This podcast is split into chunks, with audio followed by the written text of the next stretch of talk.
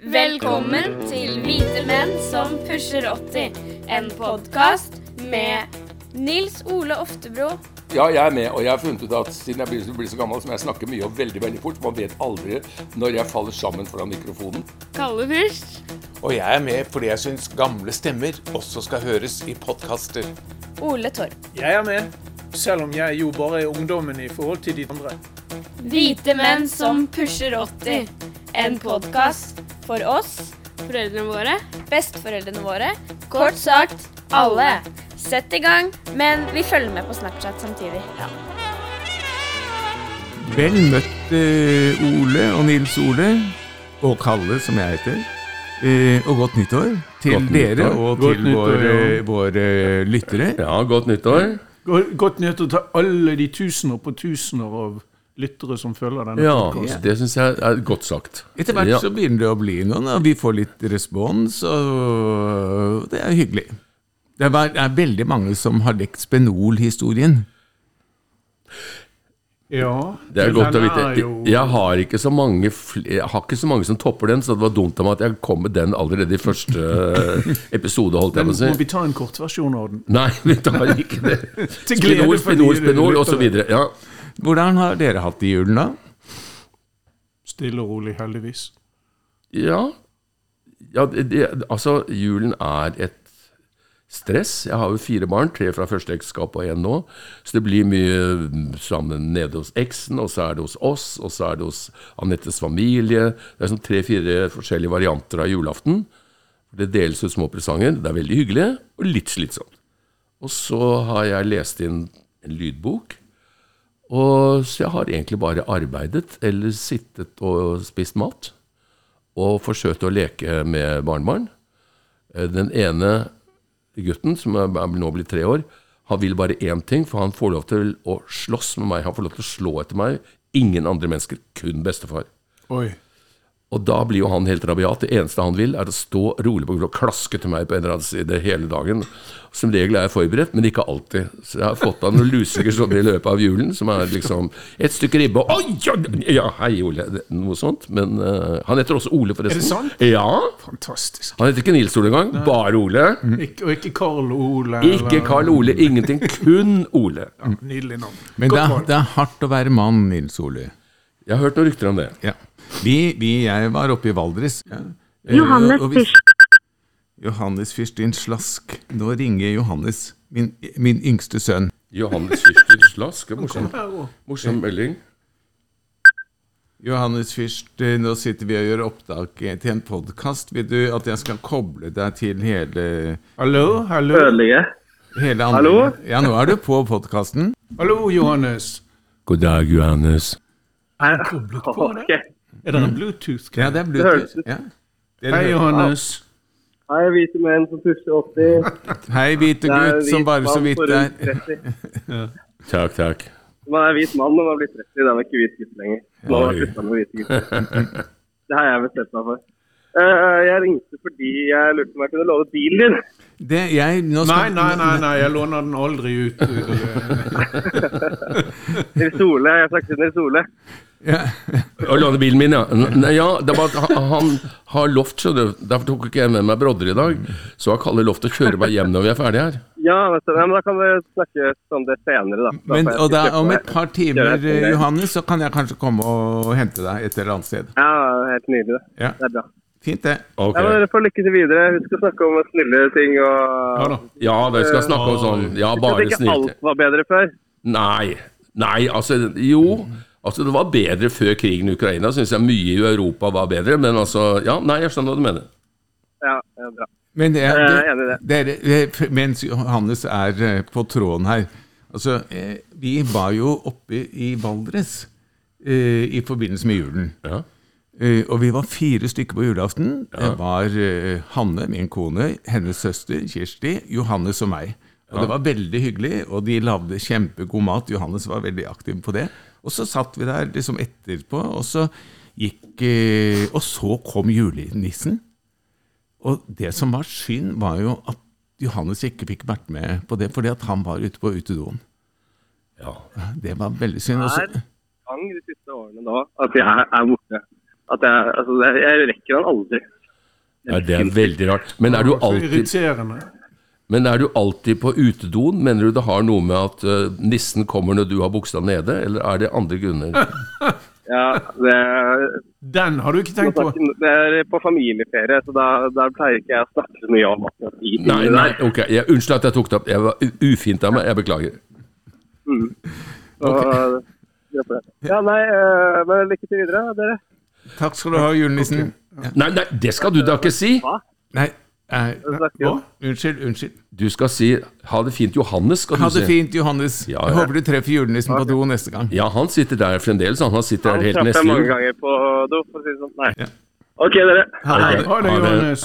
Og godt nyttår. Ja, godt nyttår! I like måte. Vi slutter til dere to. Ha det.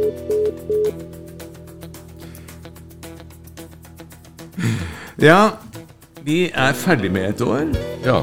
så skal vi inn i et nytt år. Ja. Og jeg syns jo at eh, ja, eh, 2022 har jo vært et år med mange ting. For meg så ble det eh, spesielt at bro, Jeg snakket om det sist, at broren min var syk. Nå døde han. Ja. eh, 21. desember med hele familien sin samlet rundt han, og jeg var der veldig mye på slutten. Og det har jeg tenkt veldig mye etterpå, at eh, Eh, Jeg har jo mistet min mor og min far og min storesøster, og så var det min storebror som døde nå. Nå er jeg siste igjen i den familien. Og det gir noen sånne tanker om hvor vi er i verden. Så, Og hvor vi er i livet. og hvor vi er i livet. Samtidig så var den tette opplevelsen rundt dette, som jeg ikke har hatt rundt verken mor eller far eller Sissels død, var, og med hans familie, den var veldig engasjerende. Den var, den var hyggelig. Den var til tider tider morsom. Det var vakkert. Eh, det var sårt, og det var trist. Men det var også sånn at hans familie var rundt han hele tiden, og det var sang og musikk, og de liksom selv når han eh, eh, ikke responderte på ting lenger, så ville de for sikkerhets skyld at det skulle være noen der og være med han hele tiden. Det var ganske flott, altså. Så han døde med familien rundt seg. Ja. Men Kalle, når du sier at og, og, Vi både hører på stemmen og ser på deg. Du blir alltid veldig berørt når du snakker om dette, fordi det er ferskt, selvfølgelig. Er det, er det Det var jo ikke uventet. Han hadde jo en Nei. alvorlig sykdom som dere visste at ville, ville ta knekken på ham til slutt. ikke sant? Tror du at det er din egen alder og din egen situasjon som blander seg inn i følelsen av at du mister din bror? Ja, det tror jeg. Eh, Det gir noen Ensomhet? Nei, det gir noen refleksjoner ut. Ja, nå er jeg 78, Forgjengelighet og- Ja, og på et eller annet tidspunkt skal vi alle far, bestemor og bestefar ble 94 og 96. Det er ikke sikkert jeg holder så lenge. Kan, jeg kan liksom ryke når det måtte være. Men, så det er det også. Men det var altså veldig den tettheten rundt han som gjorde inntrykk. Mm. Ja, jeg sier ikke at man ikke skal sørge over kjært familiemedlem, men, jeg, jeg tror vi alle har vært i situasjoner hvor du også reflekterer enormt på din egen situasjon. Mm. Av typen 'nå er det bare meg', eh, 'hvordan skal jeg kunne leve videre uten min Mm. mor', eh, uten min bror, som i ditt tilfelle. Men, eh, men det gir jo sånne refleksjoner over eget liv, selvfølgelig. Og så er det jo også et savn. Jeg har, eh, jeg har en sånn liten ikke skrivestue, et arbeidsværelse mm. i leiligheten. Og der blir det etter hvert flere og flere bilder som står rundt meg sånn, sånn, av gode venner som har gått bort. Og jeg må jo si at et par-tre av dem det, Jeg savner de så voldsomt. Ja. Jeg pleide å ringe til dem, jeg dro og besøkte dem. To av de bodde i Frankrike. Og det at, at mitt liv endrer seg på den måten at jeg kan ikke lenger dra dit og treffe dem, jeg kan ikke diskutere med dem, jeg kan ikke sånn og sånn, det er også for meg et stort savn. Det er ikke bare det at jeg reflekterer over at kanskje neste gang er det min tur. Nei, nei, Det ligger også der, men det, det, det, er, Men det ligger det er mer enn det. tiden. Ja, ja, ja, det Men jeg husker min egen far da han kom i en viss alder, så kom han en dag hjem fra en begravelse og så sa han, jeg orker ikke flere begravelser, for det, det blir så tomt rundt meg. han. Ja, akkurat. Ja. Det skjønner jeg. Alle, alle de som var hans øh, kamerater, falt fra etter hvert. Og det skapte en sånn merkelig sånn stor ensomhet hos ham, som jeg ikke forsto den gangen, men som jeg skjønner mer av nå. Eh, Min far ble også nesten Han manglet eh, 14 dager på å bli 98 år. Og eh, med mor som var ti år yngre enn han. Hun døde seks år før han.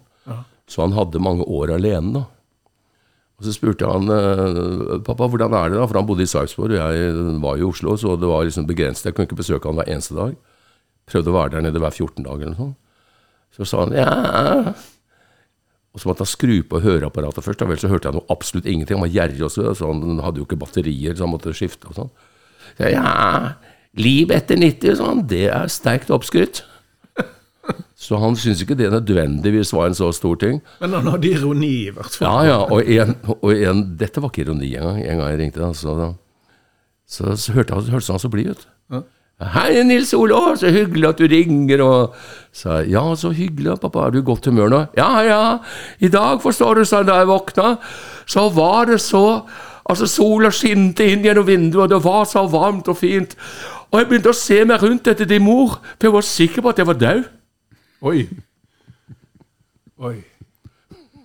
Så opplevelsen av å liksom sitte alene et sted etter å har passert misalderen, den tror jeg er eh, kanskje litt overdrevet. Så eh, hvis vi er så heldige at vi stikker av sånn, hvis vi er friske og fine sånn rundt 90, så tror jeg egentlig at vi har gjort det vi skal. Ja. Nå Nå holder ikke jeg så lenge, for jeg har jo en kreftdiagnose, så jeg holder ikke så langt heller, men, men, men. Dere andre kan gjøre det. Ja, nå, det var min tanke. Det var en lystig åpning på dagen. Ja. ja, men det er mye som vi bærer med for oss fra 22 og inn i 23 som heller ikke er så lystelig, så det er noe det. Er det noen andre ting dere har Er det noe dere har opplevd i det siste da, som har gjort inntrykk på dere? Personlig, liksom? Ja. Jeg merker at jeg strever fremdeles med å bli eh, eh, sånn Ikke pensjonist, men å finne, finne rytmen som frilansjournalist. Det er nokså nøyaktig et år siden jeg gikk av. Og har, har vært aktiv og jobbet og skal fortsatt jobbe mye. Men jeg, jeg, syns fremdeles det er rart at jeg ikke skal på jobben. Det er en større eh, overgang enn jeg trodde det ville bli. Jeg leser Kan jeg virkelig gjøre hva jeg vil? Kan jeg tusle rundt her og gjøre akkurat hva jeg vil? Ingen sjefer som spør hvor du er, eller Det er en overgang. altså. Men vanskelig å finne ut hva du vil, når du ikke lenger blir pålagt et eller annet du skal gjøre, som du er vant til å gjøre. Jeg syns det er veldig slitsomt, så jeg, jeg eh, leser jo inn av lydbøker, som jeg har fortalt. Og eh, veldig mange har da fått laget et eget studio hjemme. Hvor de kan sitte liksom hjemme, lese en halvtime, stoppe, gå til en kopp kaffe, fortsette alt dette her. Nei.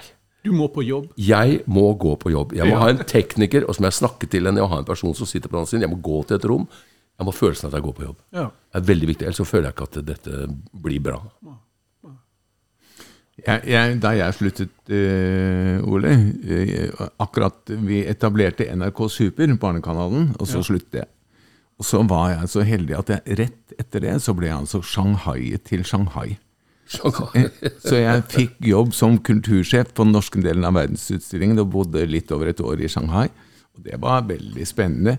Og nå er det jo utrolig spennende hva som foregår i Kina, med at de plutselig liksom har endret hele strategien for covid og slipper det løs. Ja, jeg tror jeg, det, kan, eh, det kan bli ganske dramatisk i, i Kina. Hvis du liksom ganger opp dødstallene i, i eh, Sverige, som hadde lite restriksjoner med befolkningen, så ryker det fort 3-4 millioner i, i Kina.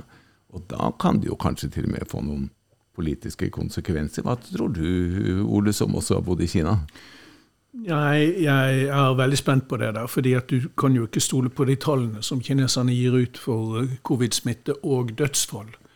Eh, men det vi vet historisk, er jo at det kinesiske keisere frykter mest av alt, er store eh, bevegelser i sinne i befolkningen. Det er jo det som tradisjonelt har veltet keiserdømmer i Kina. Jeg tror kanskje ikke det går så langt denne gangen, men, eh, men eh, Xi Jinping eh, hadde jo absolutt all makt ved den siste partikongressen. Og så ut til å kunne styre helt suverent. Nå har han fått tallerkenen full av problemer. altså. Og det foregår jo ganske mye nede i kommunistpartiet Ja, også. Altså, de er, kineserne er jo ikke de som ikke sier fra, for å si det sånn. Eh, Det, Nei det, er, det er ikke kjærlighet som holder lederen ved, ved roret. Nei, og det er veldig mye demonstrasjoner i Kina, men det går ikke akkurat på partiet og, og enhetene i Kina. Men det, det er mye som foregår der som ikke vi faktisk er klar over. Incidenter. Sosial uro, som de kaller det. Ja, ja. Så det blir spennende å se. Ja, det er veldig spennende. Og Kina har jo mm, mange planer for sin, eh, sin situasjon i verden som veldig fort kan bli forstyrret av, av store, store bevegelser i folket. Og går det utover økonomien, vet du, som har vært et av, en av drivkraftene for også å holde folket samlet, så kan dette ha sterk påvirkning. Det blir veldig spennende. Veldig spennende å følge. Men bør vi se frem til, ved raske overganger skapt av pandemier, Um, overgangen fra det systemet som nå er, til et flerpartisystem i Kina? Over én milliard mennesker. Hvordan vil det arte seg? Hvordan vil den overgangen bli? Hvis vi begynner å dele det opp i en masse altså, Jeg syns det er skummelt òg. Ja, men det Men det har, det har jo vært flere partier i, i Kina, og dessuten så er det jo fraksjoner. ikke sant? Ja, det kinesiske eh, kommunistpartier rommer jo så mange ulike politiske retninger som det norske storting omtrent. altså. Ja, ja. Kanskje bortsett fra ytterfløyene. Hva tror du? Ole? Nei, det er jo et spennende tankeeksperiment, men øh, jeg syns ikke det høres skummelt ut at det skal bli mange partier som er friere enn øh, det folk er i Kina nå. Nei, det gjør ikke jeg heller.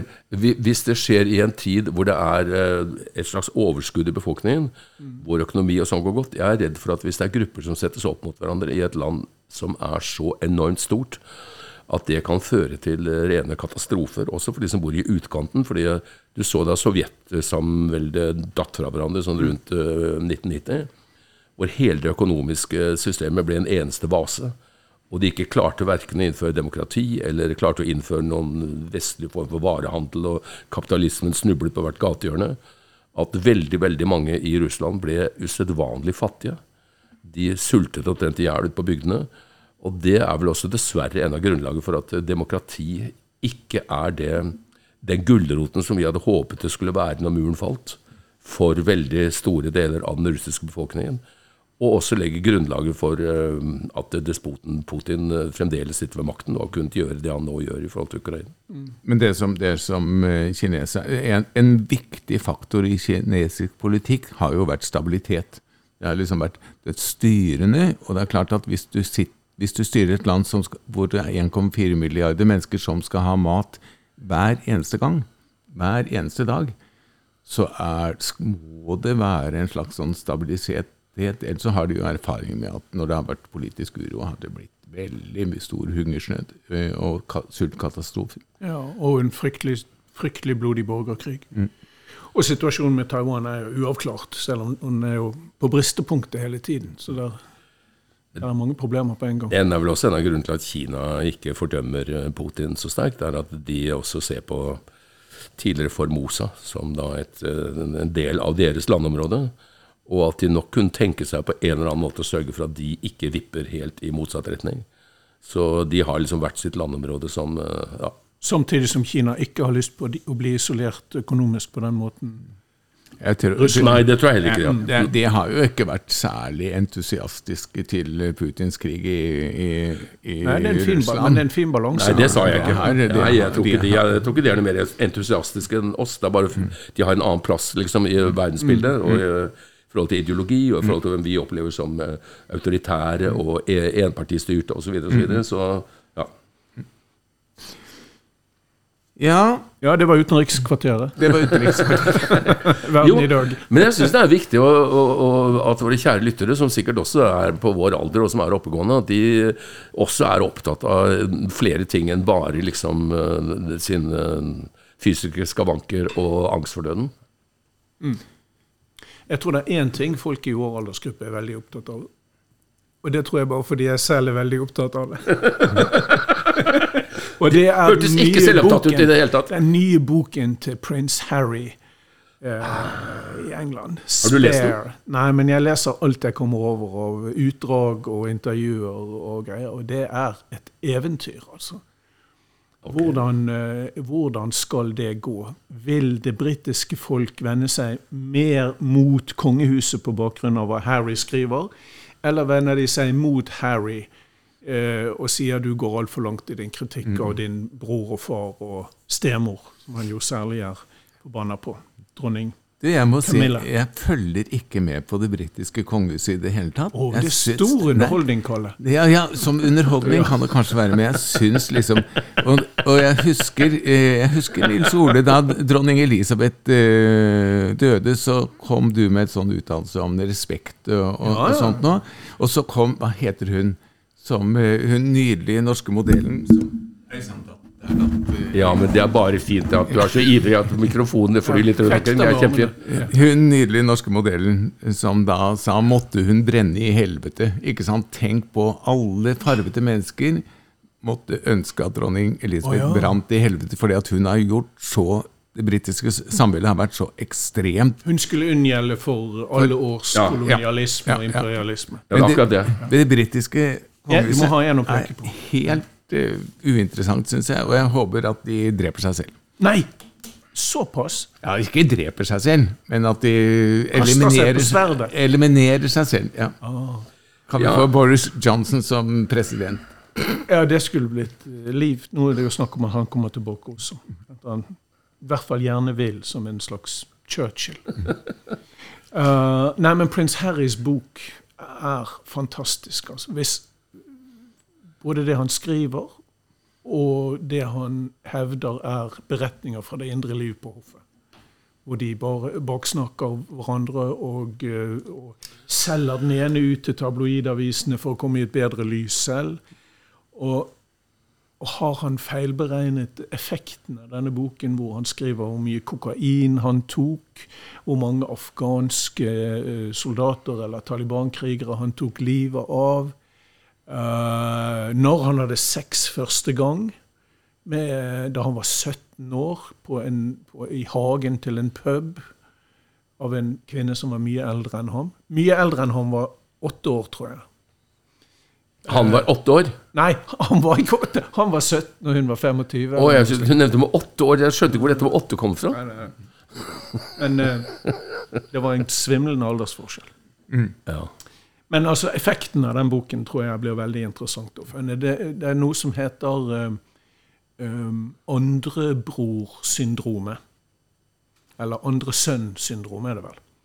Hvor han er tydeligvis rasende på sin eldre bror fordi at han har ikke, de har ikke bruk for ham. ikke sant? Han er bare re reservedelen. Spare. Ja. Spare. Hva heter det for noe på engelsk? The spare. Ja, Spare. du skal, de skal ha to. De skal ha De skal An ha the and air and the The. Air and the Spare. Ja. Og Charles har jo da ifølge ham sagt det til Diana da hun fødte Harry, at nå har du gjort jobben, du har skaffet meg en air og en spare. Men det er klart, de to guttene er jo litt ødelagt, altså. Mistet moren på den måten. Og Ja, det, det syns jeg er leit. Det har nok ikke vært noen heldig inngang på livet for de to. Nei. Jeg tror ikke det.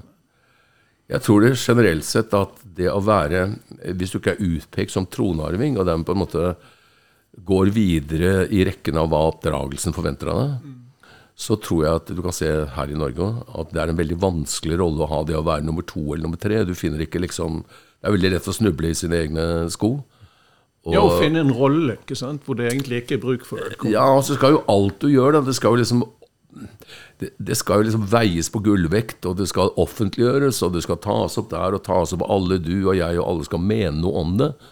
Og det er klart, det er, det er vanskelig når du ikke lenger eh, liksom er i en posisjon som egentlig Du er egentlig en slags privatperson, men du får ikke lov til å være det. For du er født inn til noe annet og inn i en annen type familie. Så Men de får godt betalt, da. Det får ja, gjør de det hvis apanasjen og sånn forsvinner? Ja. får de, sånn som i Danmark, for eksempel nå. Tror ikke de lider Hvor noe. hun De får liksom- et slott og en tittel Jo, men hun har, na, hun har jo nå altså Barnebarna til dronning Margrethe Kanskje jeg har skjønt det helt feil. Eh, men der er situasjonen tilsvarende.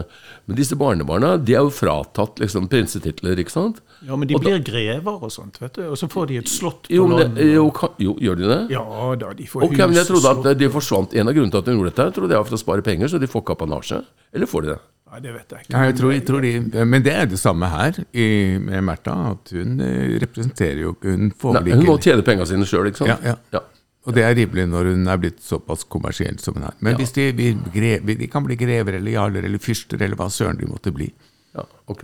Holde titler. Det er ikke så verst å være fyrste heller, skjønner du. Fyrst Ole? Ja, nei, jeg syns det hadde kanskje vært fint. Altså. Fyrst Ole. Ja, blanding av fyrst, eh, og meg, ikke sant? For, eller de- dere to, for ikke å snakke. om Fyrst Ole. Hvem leder denne podkasten? Ja, Fyrst Ole. Det syns jeg hadde vært kjempefint. Dette kan dere tenke på, dere bor jo ved siden av hverandre også, så det er sånn Dere kan ha det som skilt ute i havna, Ja, hvor Fyrst Ja.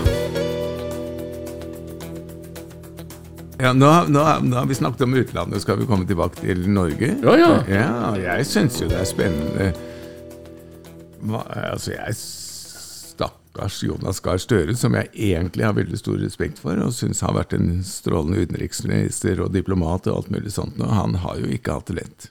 Og jeg tror ikke han kan overleve. Han kommer ikke så langt unna herfra, kanskje en ulempe i det partiet han er. Ja, jeg så til og med han ble kritisert for, å se, for at han sier 'fremover' og 'sne' og bruker sånne litt alderdommelige Ja, det, Uttrykk. det, Det det, det gjør jeg også. også, men jeg er heller ikke statsminister. Nei, nei. Ja. Jeg tror det også har noe med å gjøre at man definerer arbeiderklassen veldig snevert.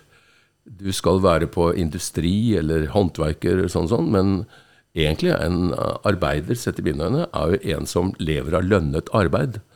Det vil si, sitter du på kontor, er du underdirektør et sted, er du personalsjef eller ikke, så er du i én definisjon på en måte arbeider. Og hvis de bare hadde klart å definere det tydeligere, at Arbeiderpartiet må på en måte slutte å lete etter de arbeidsfolkene som flesteparten enten er eh, invitert inn fra Polen, eller så bor de i Bangladesh eller i Kina eller noe sånt. Eller kanskje de burde skifte navn og kalle seg Norges sosialdemokratiske parti? Eh, Nå syns jeg at det går veldig langt. der. Men, men er, er det noen av dere som kan forstå Kan noen av dere klare å forklare meg det strømsystemet eh, som vi har? Altså vi Nei. Nei. Nei, det er vanskelig. Det må jeg bare hoppe. Jeg kan skjønner ingenting av det, så det er ingen vits at vi sitter og snakker om det. Da må vi, da må vi invitere en ekspert. Jeg skjønner ikke en skit. Men altså, der ville jo antagelig alle andre statsministre, eh, uansett farge, vært i akkurat samme trøbbel som, eh, som Jonas Gahr Støre er nå. Det hadde vært noen forskjell om vi hadde hatt Erna. For systemet er vedtatt for lengst. Men, men hva, Unnskyld. Så spørsmålet er bare det, hvordan man kommer ut av det. Men, men, men det jeg har tenkt på, liksom, når det koster så Det koster ikke mye å produsere strøm. Det, og alt som er betales over kostprisen, blir jo et overskudd. Eventuelt til strømselskapene eller til staten. Hvorfor kan de ikke bare pøse det tilbake igjen, og så holde den prisen der det var? Og så hvis vi er nødt til å, å liksom selge til utlandet for den prisen, så kan de ha det til utlandet. Nei, det er vanskelig å forstå. Men først skal jo direktørene ha millionlønnene sine. det, det er det som Og bonusene sine. Og fallskjermene sine. Og Og, er- aksjene sine. Og det er Det er utrolig provoserende. Og så skal Ukraina ha noen milliarder kroner i våpen. Skal de Og det er klart at det går da fra hele Europa. Og et eller annet sted i et ferdig statsbudsjett, sånn som var liksom, som de har hatt i eh, 2022, eh, og bestemt før krigen på en måte brøt ut, så skal jo de pengene tas fra et sted. Og siden de har bestemt denne handlingsregelen at de skal ikke stjele alt sammen fra oljefondet, så må de jo da ta det fra selve budsjettet.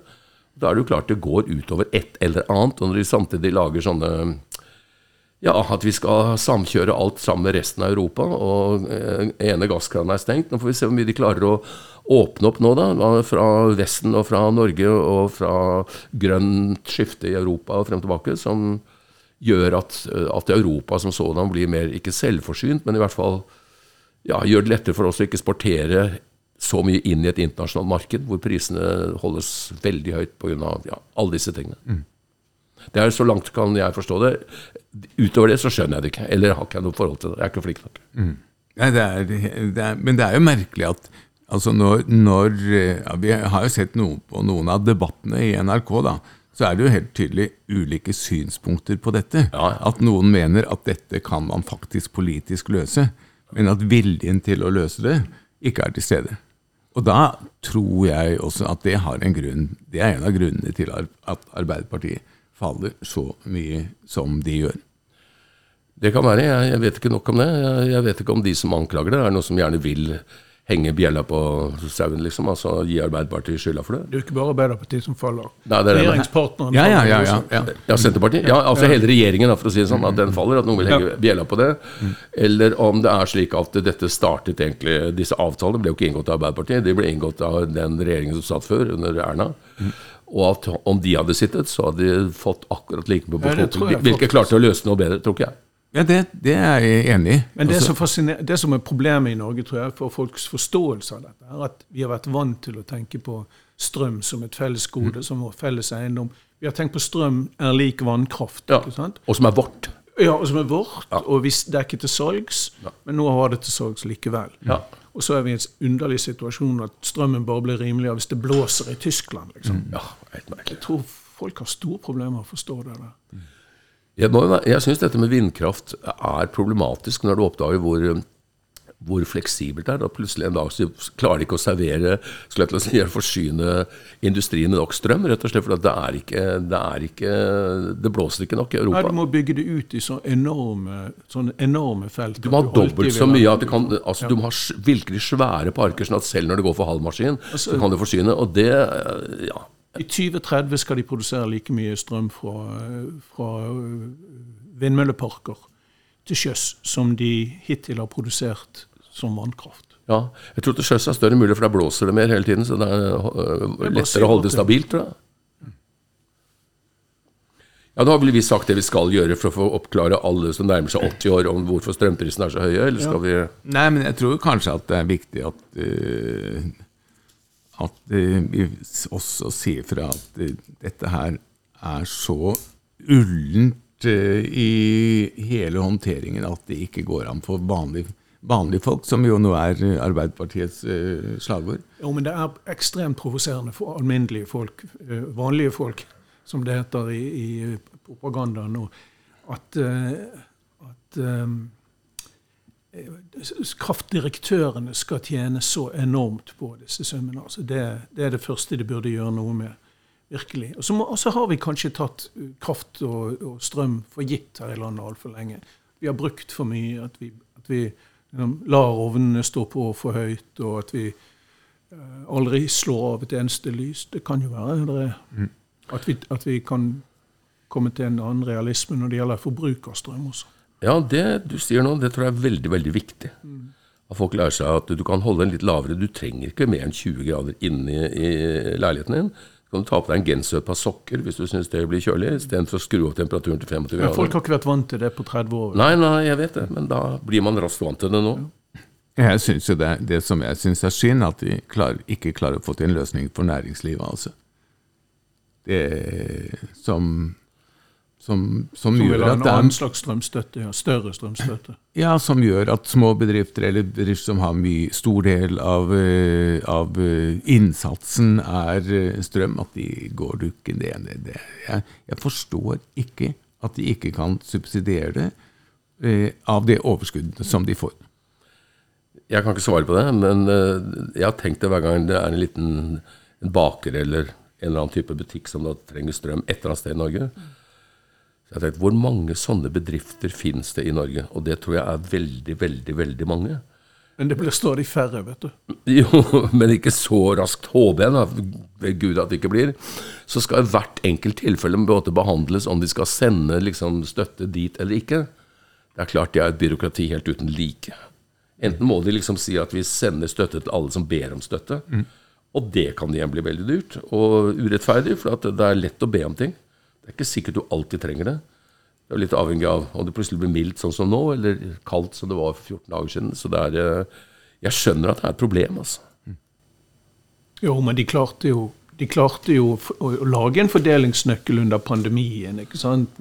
Statlige tilskudd og erstatninger og hjelp til folk. Så det er klart det er mulig. Men de hadde ikke krigen modellen. i Ukraina. De hadde ikke milliarder av kroner som renner ut.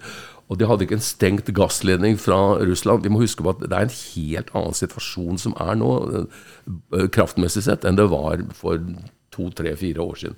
Dessverre. Men Jeg skulle ønske det ikke var sånn. men det du er redd for, Kalle, er at de går konk... eh, At industrien går ad undas før er det sikkert mange som gjør òg. Eh, ja, selvfølgelig. Ja, det er jeg. Ja. Før de får støtte. Dere, jeg lurte på Er det Jeg, jeg, har, jeg har faktisk lyst Jeg har sett noen ting i det siste som jeg, er, har blitt veldig fascinert av. Okay. Og en av de tingene er en TV-serie som heter Pernie. Ja. Som Henriette Stenstrup, som var med i barne-TV da jeg jobbet med barne-TV mange ganger. Ja. Hun har jo etter min mening laget en fantastisk historie om en mor som har tenåringsdøtre, og som jobber hardt i barnevernet, og som er en fantastisk eh, figur. Og hun har jo til og med en far eh, som, eh, så vidt jeg gjenkjenner deg i den rollen. Stemmer det, Nils Ole? Eh, ja, det kan godt hende at det er meg, ja. ja. Men han er eh, ja, som kommer ut av skapet som 70-åring. ja, 72-åring. Ja. ja, det er meg. Ja. Ja. Og det, det husker du da vi snakket en av de, den, på den første podkasten om sånn casting og blackface og eh, Må man være farvet? Må man være handikappet for å kunne spille handikappet? Må man være homofil for å kunne spille homofil og sånt? Og det var vi jo enige om, at en god skuespiller kan vel fremstille det meste. Her er du jo uh, fått rollen som homofil gammel bestefar. For det første er jeg gammel. For det andre er jeg bestefar. Og siden min kjæreste i denne serien heter Henrik Mestad, som jeg har kjent siden han gikk på teaterskolen, og som jeg er veldig, veldig glad i, så er det absolutt ingen vanskelighet å spille glad i Henrik. Ingen vanskelighet å være bestefar. Ingen vanskelighet med noe annet enn det å være eh, homofil. Det har vi tonet veldig ned i måten å spille det på. Jeg er på en måte meg selv, jeg. Og så tenker vel alle Og det seg at det har eh, veldig mange homofile syns er veldig fint. At man ikke skal liksom være drama queen eller snakke på spesielle måter eller være Altså gjøre alle de tingene. Så jeg har ikke lagt på noe egentlig annet enn meg selv. Og det, som sagt, veldig mange homofile syns det var fint. At uh, den største forskjellen mellom heterofile og homofile er egentlig ja, hvem du har sex med, for å si det rett og slett. Og det angår ingen andre enn dem. Så ja, sånn var det. Ellers må jeg bare rose Henriette opp av skyer og opp av vegger. Eh, hun overrasker jo i nesten alt hun gjør. Det at hun har klart å skrive denne serien, sikkert basert litt på sin eh, egen historie, altså i den forstand at hun ble også skilt, og hun har barn og alt dette her. Men eh, altså Stakkars hennes ektemann i virkeligheten, han har jo ingenting med den som da fremstilles i dette. Men jeg syns situasjonen, måten hun overdriver skikkelsene uten å ta bort liksom, det realistiske i, i, i situasjonen, har vært helt fabelaktig. Veldig gøy. Jeg er veldig stolt og ydmyk over at eh, jeg får være med. Nå var jo jeg Jeg har jo kjent Henriette siden hun var eh, fire eller fem år. Hun gikk i barnehage i NRK. Og eh, for min eks, Kaja Korsvold, hun jobbet jo der. Og eh, hun er like gammel som min eldste datter. Så de var veldig gode venner i veldig mange år, og er det egentlig også fremdeles. Så jeg har vært hjemme hos mammaen og pappaen frem og tilbake i årrekke og fulgt henne, så det var eh, Jeg vet ikke om det var en av grunnene til at jeg fikk den, mer enn at eh, at jeg var god skuespiller, og at jeg eventuelt kunne illuderes som homofil. At jeg på en måte, Hun hadde et slags bestefarforhold til meg. Jeg syns det er en av de beste sånne norske dramaseriene som er produsert på veldig lenge. Og jeg syns de barna som er med, altså tenåringsbarna, spiller jo strålende sånn eh, tenåringer. altså Det er fantastisk å se. Jeg syns det er så fint. Det syns jeg. Jeg syns det er helt fabelaktig. Og jeg lærer Har ikke faktisk sett den. Nei, du må titte på den. For det, Men, men da, kan vi, da kan jeg som ikke er med i den, Ole, anbefale deg og våre lyttere å gå- Den går på Viaplay. Ja. Eh, og det, det er en av de beste seriene som jeg har sett produsert i Norge. Det er så tett og fint. Hun får så masse med, uten at det liksom eh, virker hastverk i fortellingen. Og så syns jeg at det er viktig at menn på vår alder faktisk ser den, fordi den forteller mye om unge jenter i puberteten i dag, og forhold mellom mødre og døtre. Altså hvor friske og uhøflige i kjeften, mange av disse unge jentene her. Fordi de, er- fordi de, de er venta på noe helt annet enn vi var. De har ikke den verken på skole eller noe sted den samme eh, følelsen av disiplin eller av, av ansvar. Men kjærlighetsevnen, den er det jo likevel. De er glad i mammaen sin og sånn. Og noe med uttrykk og måten de definerer, og hår de farger alt mulig. Jeg, jeg har lært mye av å se på det. Ok. Jeg, jeg har jo sett på TV2 eh, hver gang vi møter. Å ja. Hver gang vi møtes. Ja, altså eh, Norske artister som møter og synger hverandres eh, sanger. Jeg så det med Bjørn Eidsvåg. Det var Ja. strålende. Ja, jeg så med Bjørn Eidsvåg, eh, som jeg syns var strålende. Ja, var veldig og, og så så jeg Freddy Kalas. Ja, du ser. nå. Og det overrasket meg på alle måter. Eh, både han som person Det viste seg at han var en av syv sønner i en familie fra Smiths venner. Ja. Og så brøt han altså ut av dette og fikk det der partypreget som han hadde. Og det var særlig to tolkninger da, da han da det var Ingeborg Bratland Ja, som sang 'En pinne på landet'. Med sånn fele, hardingfele og, og, og sånt. Og det var jo strålende. Og så satt han og snakket om livet sitt og ble veldig rørt, og veldig beveget og hadde snakket om vanskelige ting. Og så kom Bjørn Eidsvåg og sang den sangen som heter 'Jovial'.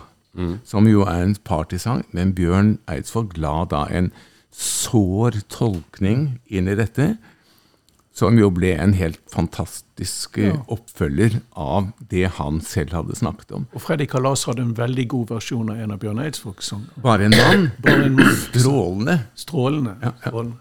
Så det sies jo at dette programmet er et av de meget få programmer som profesjonelle musikere har respekt for på TV. Mye annet, altså sånne musikkunderholdningsprogrammer, syns profesjonelle musikere er noe tøys.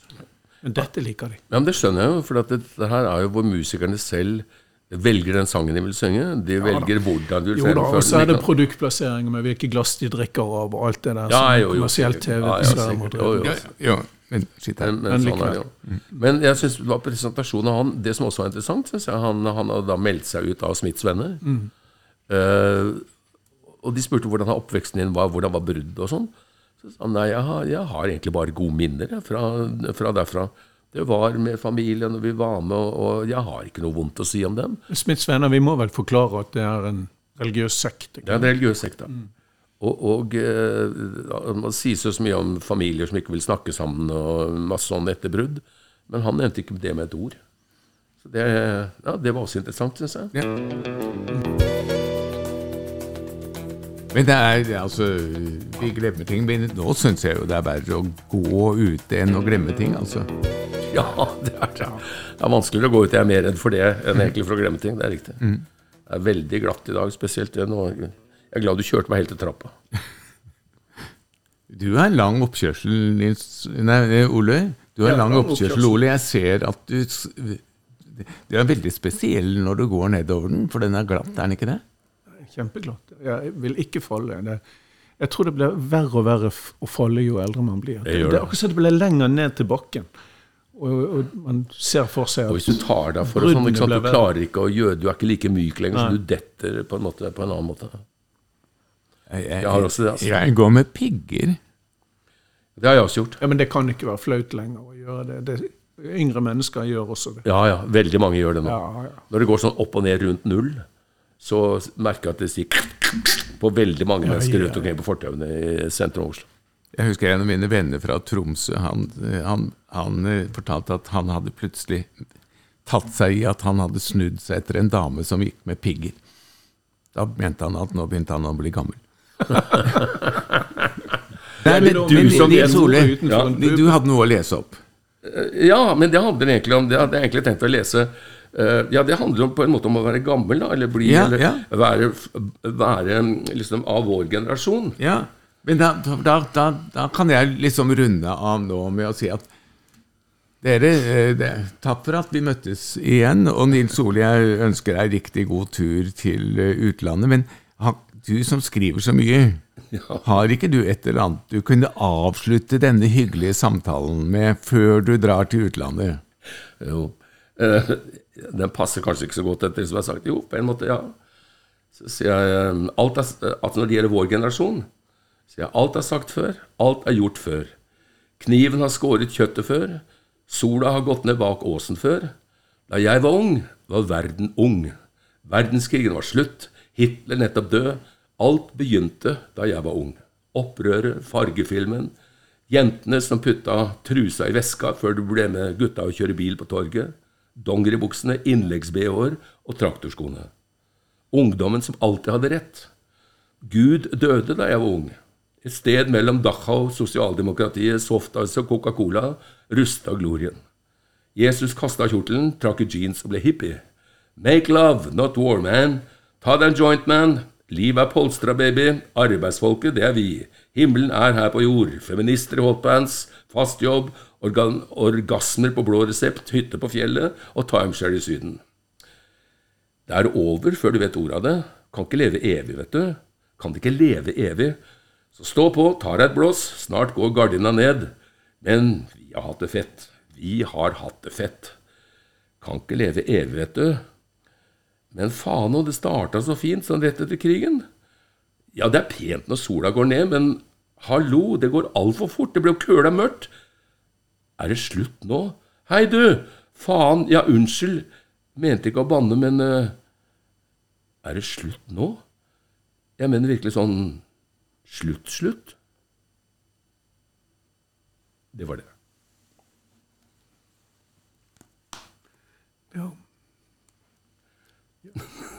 Tankevekkende, men det der med trusen i vesken, er det noe spesielt for Sarpsborg? Det var et sånt sted hvor de, de skrøt disse gutta som hadde fått de svære amerikanske bilene. Da, ja. tiden, ikke sant? De kjørte på Torvet, og på Torvet eh, gamle dager så var det også en, et, et kvinnetoalett som var en trapp ned. Og Da krevde de gutta at hvis de jentene skulle få bli med i de bilene, så måtte de gå ned på do og ta av seg trusa. Og så når de kom opp igjen, så måtte de vise at de hadde Nei, trusa i nei, nei. og så fikk de lov til å bli med. Ja, Men dette høres jo lovende ut for fremtiden. Men jeg merker at dette var den detaljen du hengte deg opp i resten. Ja, Bakstua, bakstua. ja, ja, ja, det var ok, vanskelig ja. få ut av hodet. ja, etter å ha vært i Takk for i dag.